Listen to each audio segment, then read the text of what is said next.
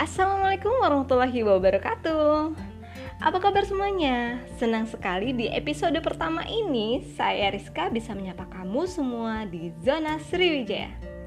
Podcast Zona Sriwijaya akan menyajikan cerita menarik, informasi dari anak-anak, pendamping, bahkan masyarakat yang ada di wilayah dampingan LPM Sriwijaya. Pada penasaran? Yuk simak terus Zona Sriwijaya. Pandemi COVID-19 sampai saat ini masih hidup berdampingan dengan kita. Mau tak mau, suka tak suka, banyak kegiatan yang pelaksanaannya jadi terkendala olehnya. Terus kalau sudah begini, masa kita mau diam aja sih?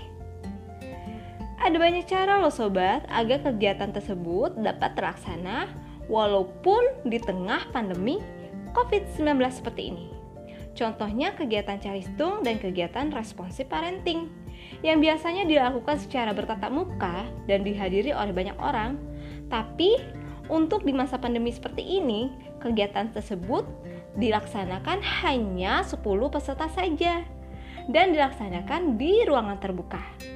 Dan tetap ya sobat, dengan melakukan protokol kesehatan. Sebenarnya masih banyak banget ya yang ingin aku ceritakan, khususnya kegiatan-kegiatan yang ada di LPM Sriwijaya. Tapi kita sambung di episode berikutnya ya sobat. Jadi terus pantengin cerita menarik di Zona Sriwijaya.